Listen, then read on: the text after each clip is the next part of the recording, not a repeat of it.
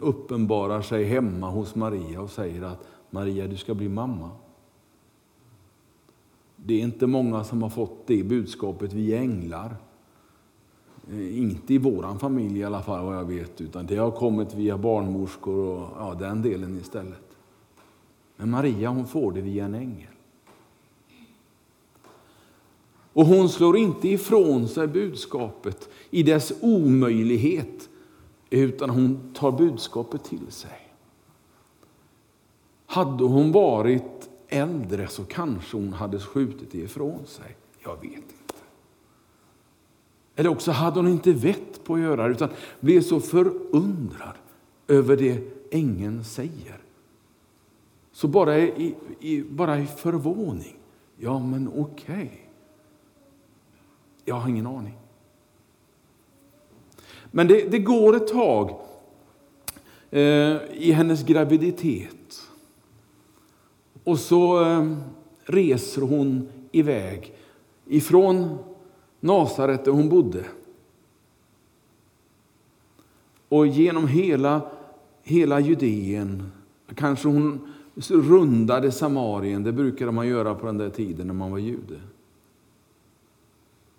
Och ner för att möta sin kusin Elisabet i, strax utanför Jerusalem. Och här möter vi dem Eh, på ett fantastiskt sätt när de hälsar på varandra och barnet liksom spritter till i, i Maria, nej förlåt i Elisabet som också är havande.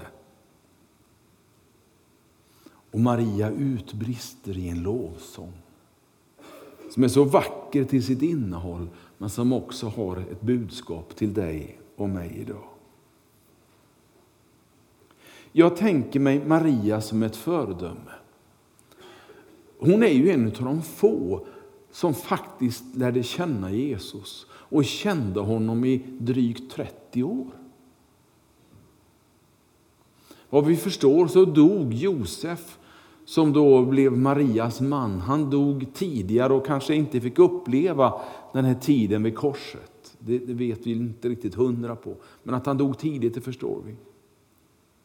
Och Jesus syskon och, och eh, levde ju inte nära honom på det sättet så länge som just Maria gjorde. Och vilken start hon fick.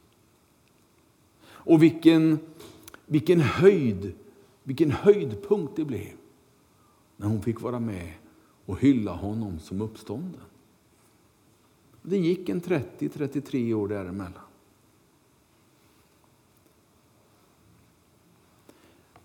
I den här texten som vi ska läsa om en liten stund så brister hon ut i bara ren pur tacksamhet till Gud över det som Gud har uppenbarat för henne. Och jag tänker mig att den lovsången handlar mycket om just tacksamhet. Och det får bli dagens lilla vinkel av Maria, Jesu mor. Ska vi läsa texten? Den kommer upp här bakom mig också.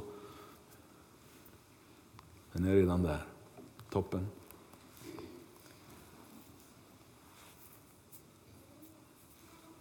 Då säger Maria så här. Min själ upphöjer Herren och min ande jublar över Gud, min frälsare. För han har sett till sin tjänarinnas ringhet. Från denna stund skall alla släkten kalla mig salig. För den mäktige har gjort stora ting med mig, och hans namn är heligt.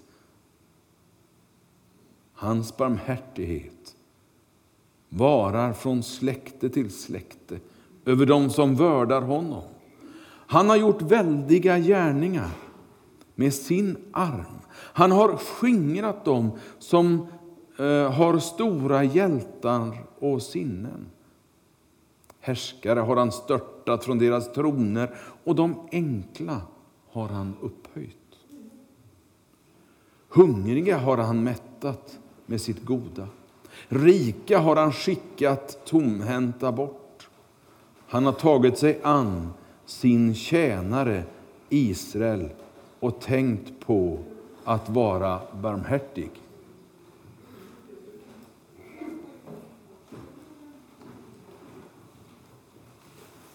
Vi behöver nog kontakta någon kanske som kan komma och hjälpa oss.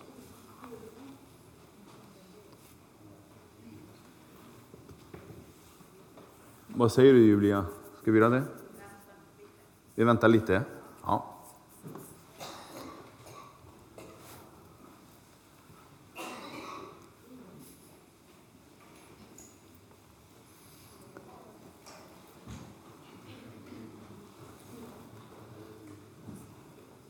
Jag har varit med om det förr, att någon mår dåligt under en gudstjänst. Och det, det händer.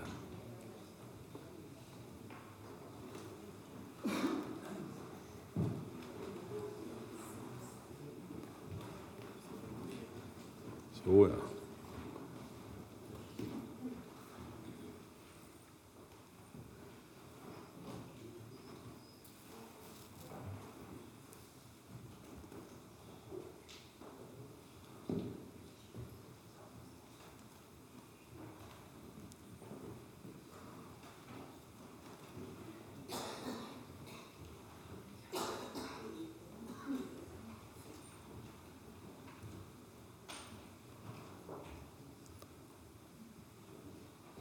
Det finns en sjuksköterska med där ute. Och eh, hon är med och fattar beslut vad som händer. Om de får tillkalla hjälp ifrån ambulans eller om han pignar till. Ska vi be en bön? Ska vi göra det?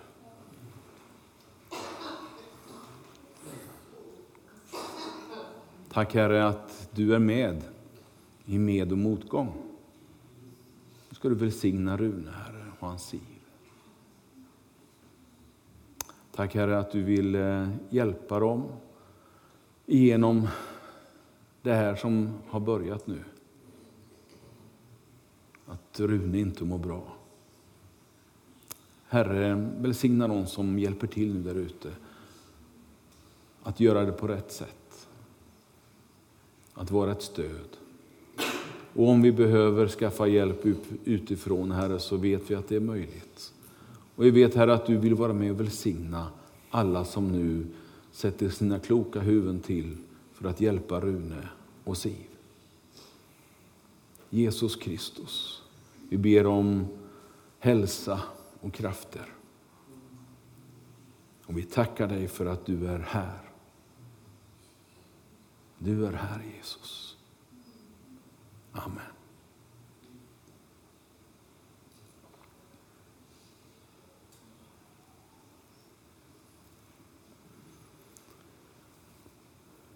Är det någon som blir upprörd om jag fortsätter? Det känns som att eh, Rune är i goda händer. Tas om hand. Och det fixar sig. Och han mår inte bättre av att vi inte gör någonting.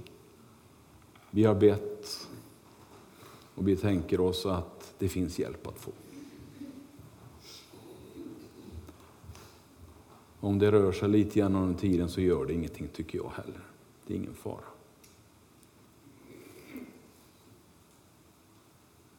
Jag skulle ju ha satt en tumme där jag slutade läsa. Är det någon som vet vad jag slutade läsa?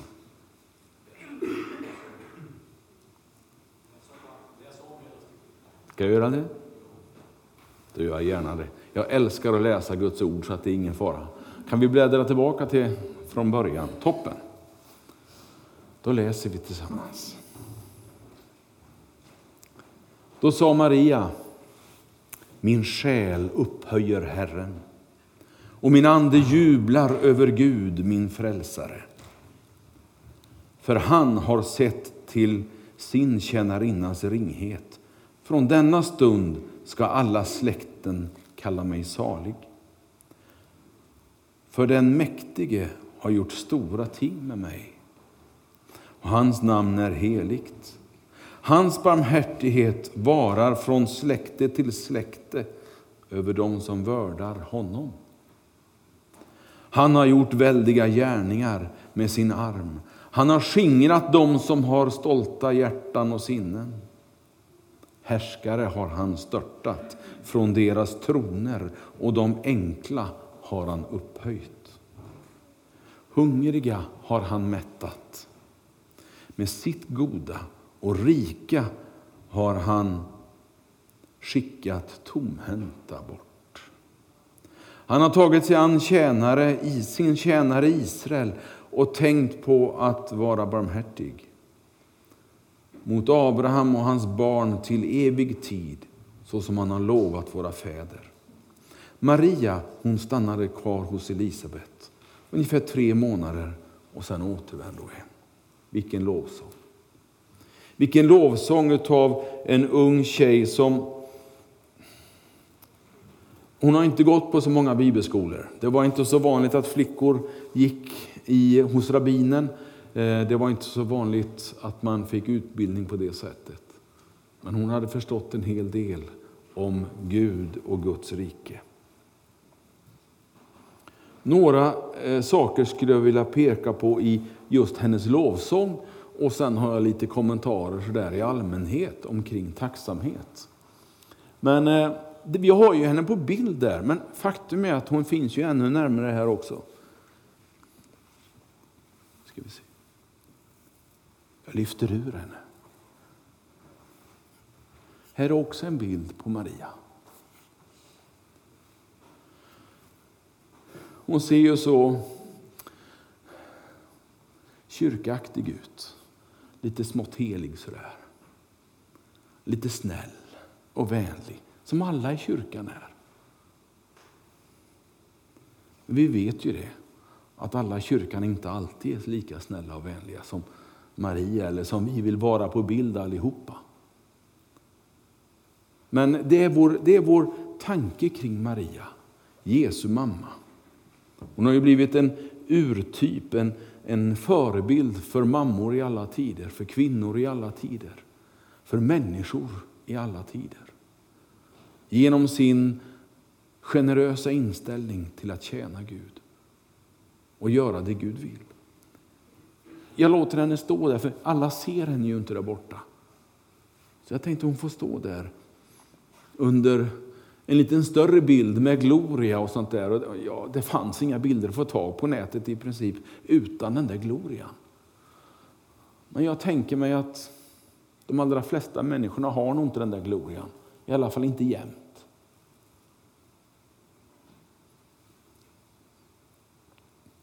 Maria hon börjar med att lovprisa. Hon sjunger eller om hon talar, det spelar ingen roll. Men hon börjar med att lovprisa.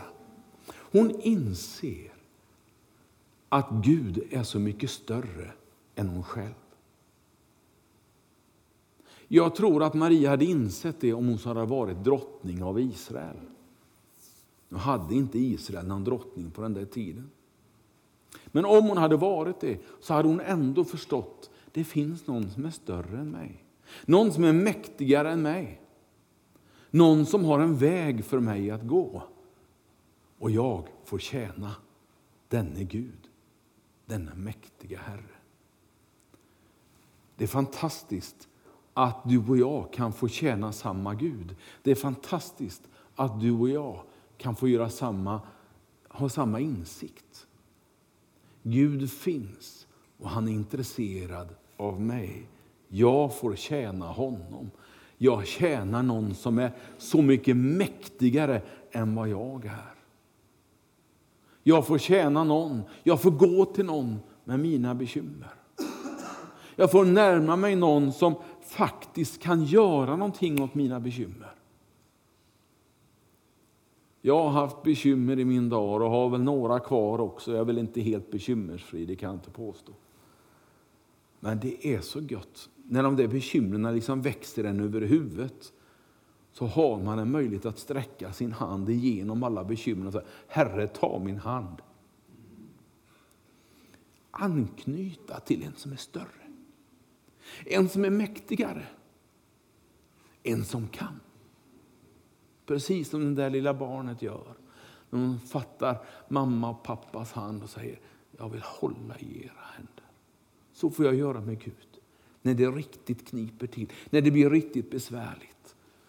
Ja, faktum är att jag får hålla hans hand även i glädje. Även när livet bara rusar fram. Bara en vers senare i hennes lovsång så säger hon min frälsare till och med. Det sa jag när jag var 13-14 år för första gången. Jesus min frälsare. Kanske inte använde exakt det uttrycket, det kanske inte var så vanligt i 13-14 års åldern att man gjorde det. Men jag erkände honom och bekände honom som min Herre och Frälsare.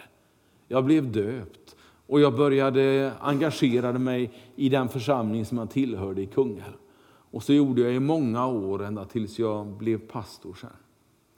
Och jag har älskat det jämt att göra så. Att få kalla honom min Herre och Frälsare. Att få erkänna honom och bekänna honom som min frälsare. Det är inte jag som ska frälsa världen. Det är inte jag som ska ta hand om alla bekymmer som finns runt omkring mig. Men min frälsare kan. Min frälsare vill. Min Gud är personlig. Gud är bara inte en makt som svävar omkring i universum. Någon som en positiv kraft. Nej, min Gud är min Gud. Jag får säga det. Jag får uttrycka det som någonting personligt som går in i hjärtat, i min kropp, i min själ, i mitt varande. Gud vill vara din personlige Herre och Frälsare. Idag och igår, men framför allt framöver. Så finns han där vid din sida. Som din frälsare, som Marias frälsare. Hon säger också i någon vers att stora ting gör du med mig. Ja, det, det, är inte många som kan säga att så stora ting har Gud gjort som han gjorde med Maria. Alltså det, det, det är ju unikt i mänsklighetens historia och den, enligt vetenskapen så är den ju ganska lång. Men det finns ju ingen människa ännu som har kommit till på samma sätt som Jesus. Och vad jag förstår så blir det ingen annan heller. Därför att Gud själv engagerar sig i tillblivandet av Jesus. Han använde en kvinna och hennes del i den nya kroppen. Men den andra delen var gudomlig. Därför att det behövdes. Det behövdes någon som var människa men också Gud.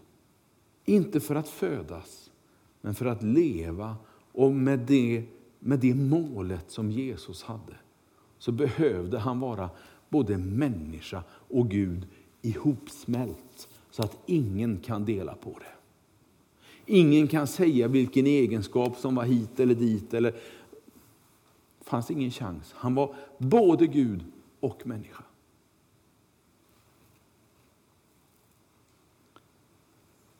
Jag tycker om vers 50 i hennes lovsång. Där hon säger så här, att hans barmhärtighet, säger hon, som varar från släkte till släkte över den som vördar honom. Hans barmhärtighet från släkte till släkte. Har du hört talas om arvsynden? Har du hört talas om de där arven som man gör där man tänker sig att man ärver massa tokiga saker och dåliga egenskaper? Det har du säkert gjort. Jag ska inte dödförklara hela den teorin eller lägga mig i det överhuvudtaget. Men här står det talas om ett annat arv. Från släkte till släkte, nämligen Guds barmhärtighet. Och det kan du föra vidare. Jag ser ibland på, på en, eh, en Doktor Fille, någon som har sett på det programmet. Nej, jag är den enda i Sverige som har gjort det tror jag. Eh, en psykolog som samtalar och försöker lösa problem för enskilda människor. Och ganska ofta så rör han sig i den här svängen med att försöka hjälpa människor utifrån problem som är nästan omöjliga.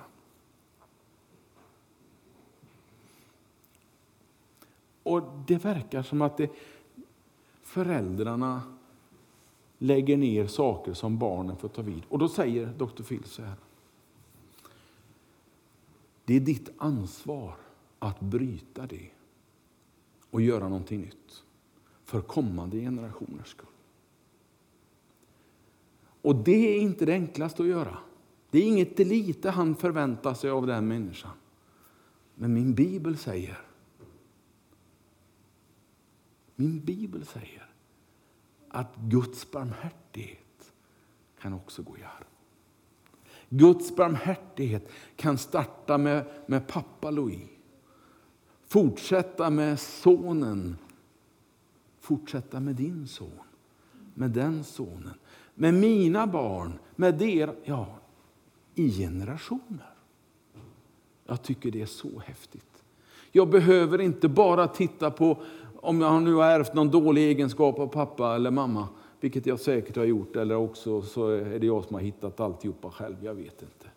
Men dåliga egenskaper har vi men jag behöver inte föra dem vidare. Utan jag kan låta Guds barmhärtighet gå vidare istället. Att få leva med Guds barmhärtighet är någonting som gör livet enklare, tror jag. Hon säger vidare Hon talar om Guds väldiga gärningar. Ja, det krävdes nog en väldig gärning för att Jesus skulle bli till. Men vet du, jag tänker mig, för Gud är ingenting omöjligt.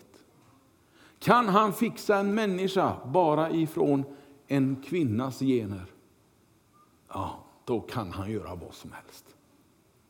Då kan han förändra min situation, din situation. Då kan han hjälpa oss som församling med det vi tycker är svårt. Då kan han hjälpa i livets alla omöjligheter. Då finns det ingenting som är för stort utan att Gud rår på det. Och det tycker jag är lite häftigt.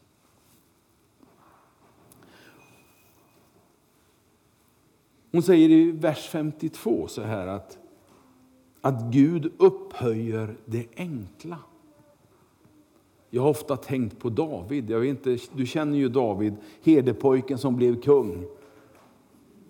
Han får, han får liksom, eh, som tonåring uppleva hur Gud väljer ut honom att bli just kung.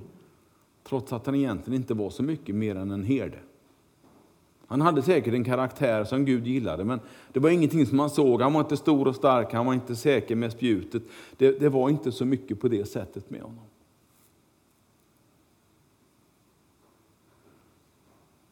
Men Gud utser det enkla, säger Maria.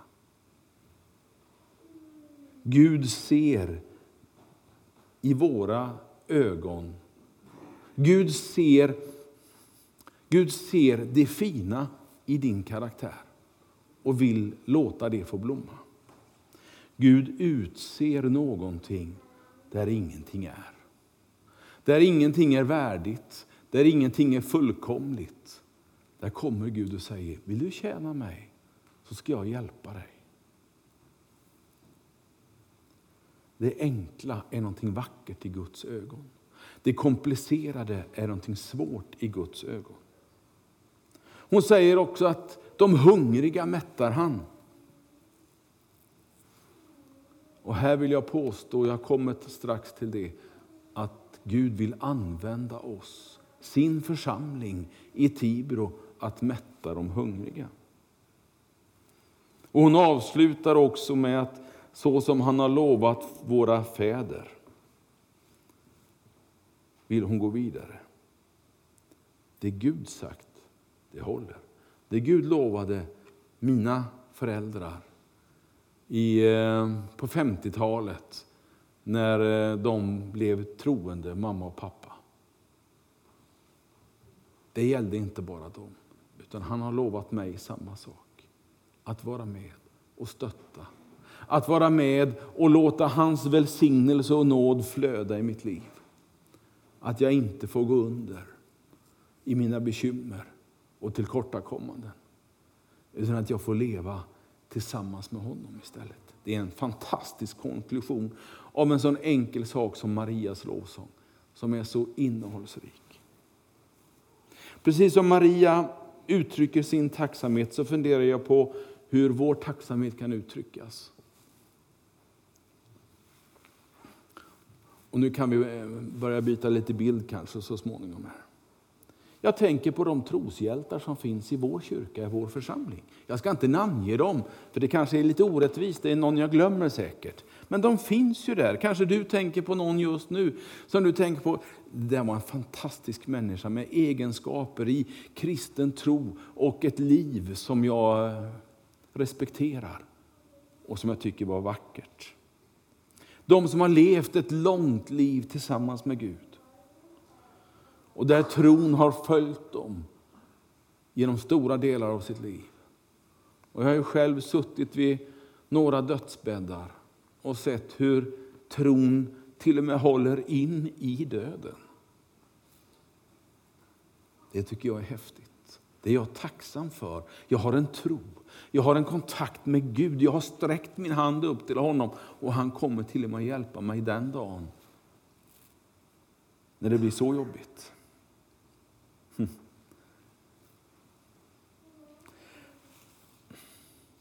Vi har ju många i vår, i vår omgivning här i Tibro av flyktingar, eller hur? Vi ser dem på stan, vi möter dem, de kommer till vår kyrka ibland. Det finns människor i vår kyrka som lever med en flyktingtillvaro, med ett förflutet som flykting. Med något som till och med kan vara hemska minnen och som kan ha riktigt jobbiga situationer.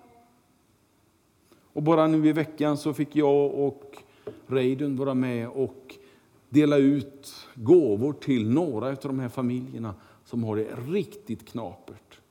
Som inte har fått eh, sin, eh, sin status som, som eh, flykting bekräftad och att man får stanna kvar. Men som heller inte har lämnat Sverige. Alltså man lever i någon slags mellanrum utan i princip några ersättningar, utan möjligheter.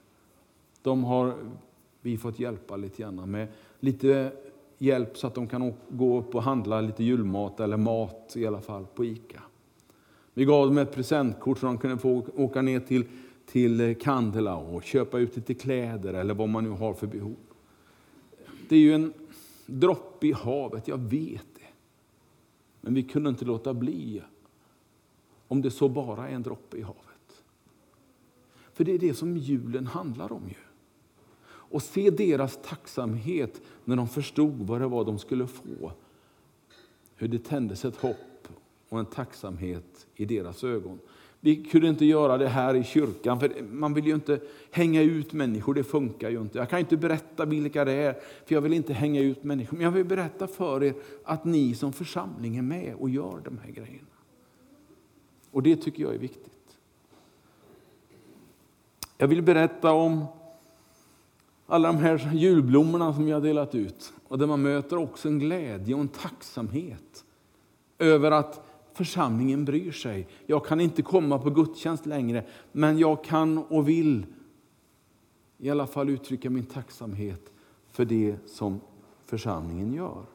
Jag tänker på, eh, på Louis och alla andra, Jonas med flera som jobbar i eh, LP-huset här vid sidan av. På måndagarna så serveras det frukost och man har en samling. Och det händer saker sen under veckan också. Och det är ju bara vår del jag berättar om nu. Men vi gör saker, för vi älskar Jesus och vi är tacksamma över att få uppleva hans frälsning. Och det blir tacksamma människor vi möter. Kanske att vi också genom eh, second hand-arbetet kan få hjälpa någon till en eh, arbetssituation, om inte med någon hög lön, men kanske med någon ersättning, i alla fall ett, en bra plats att vara på. Och kanske mindre ensamhet. Det här är vad jag skrev ner direkt som jag känner, det här, det här är vår diakoni, det här är vår sociala verksamhet. Sen händer det mycket runt omkring oss. På julafton pratade du om ett gemensamt julfirande i Högårdskyrkan mellan 11 och 3 ungefär. Och det fortsätter även på kvällen med samlingar. Det är sånt som vi är med på tillsammans i kyrkorna. Ekumeniakyrkan de har onsdagsluncher. Alltså kyrkorna i Tibro bryr sig om människor som faktiskt har det jobbigt. Och det är någonting att tacka Gud för. Att vi får vara med. Att vi får vara med och stötta det här. Var och en får göra på sitt sätt. Vi kan göra det vi är bra på, andra gör det de är bra på och vi kan tacka Gud för alltihopa tillsammans. För det här är vad Jesus vill att vi ska göra. Vi ska hjälpa människor. Och vi kan då visa vår tacksamhet på lite olika sätt. Jag kan tacka vår Herre, jag kan tacka Jesus som då lämnar ska vi säga, tryggheten hos Gud för att bli en liten bebis. Och det gick ju inte många månader för han fick fly.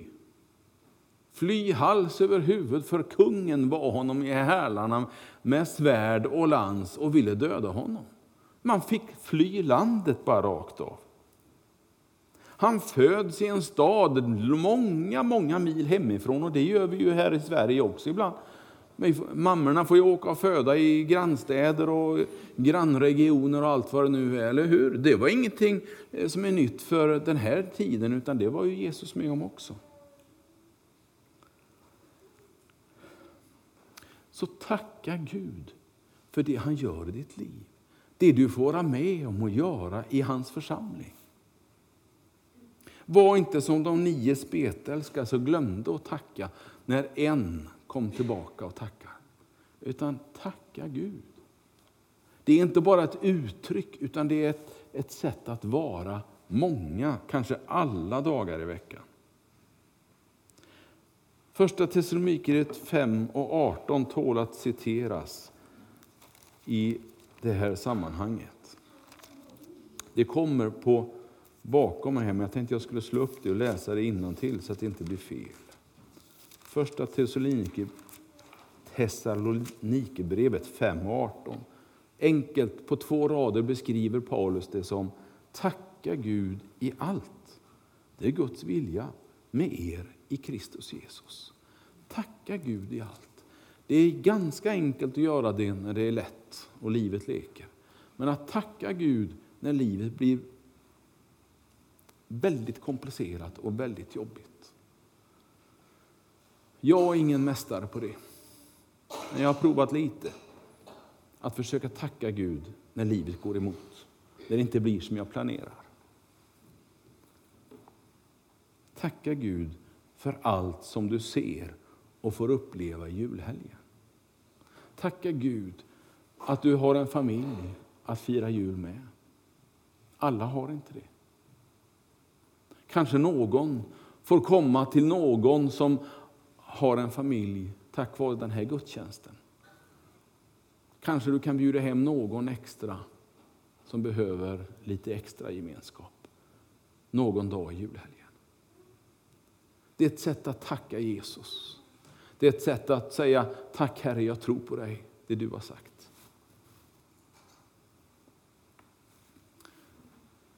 Sista, eh, sista bilderna, ska vi ta dem också?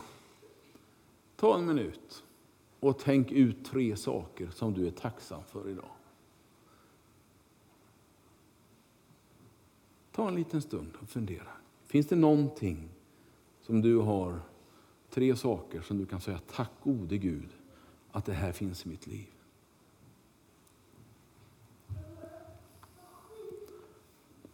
Det finns så många olika ämnen. Så jag, jag, ska inte begära att vi ska räcka upp handen och exemplifiera nu. Det är inte alls det som är min tanke. utan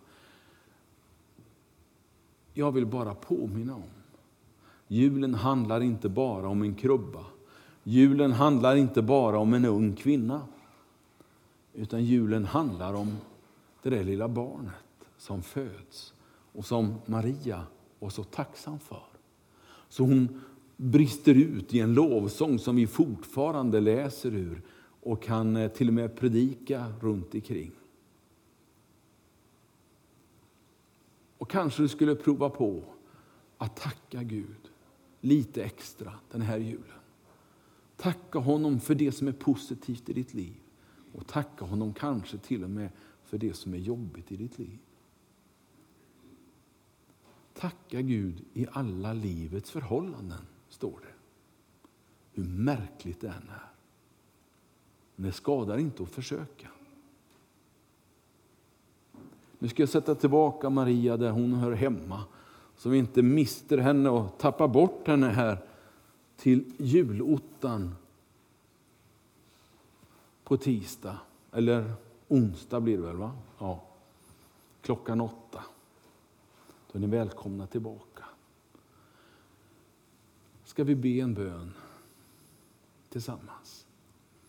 När jag säger det så vill jag också uppmuntra dig att eh, om du vill komma fram här så har eh, Lisbet och eh, Louis förberett sig för att be tillsammans med dig om du så vill. Kom eh, gärna med en gång, Louis och eh, Lisbet. Och nu kommer också våran eh, ljusbärare. Där man kan tända ett ljus i tacksamhet, vet du vad? Där man kan tända ett ljus för jag älskar Jesus. Där man kan tända ett ljus för att det är en vacker högtid vi går tillsammans emot. Men kanske det viktigaste är ändå att få göra det för Jesus skull. Vi har väl några sånger till, hoppas jag, att sjunga tillsammans. Det är ju många sånger vid julhelgen där man kan sjunga av bara glädje och tacksamhet. Men man kan också sjunga för att berätta berättelsen. Välkomna upp. Och välkommen fram till Lisbeth och Louis som gärna ber tillsammans med dig. Vill du bli smord med olja så kan jag göra det utan problem. Välkomna i Herrens namn. Amen.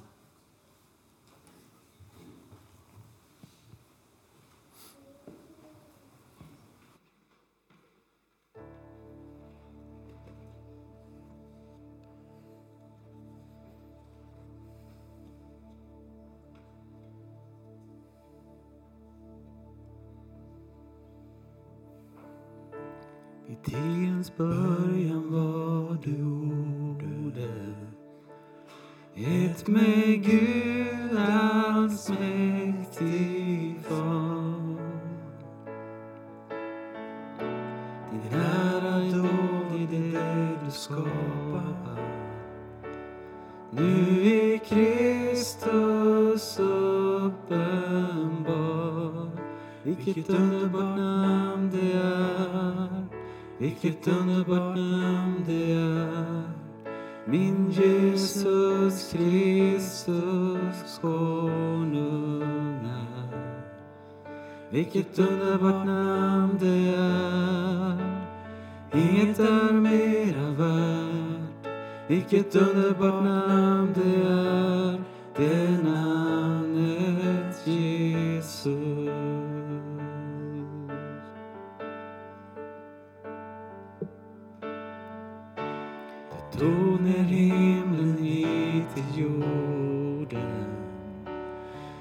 Jesus, du kom nära oss.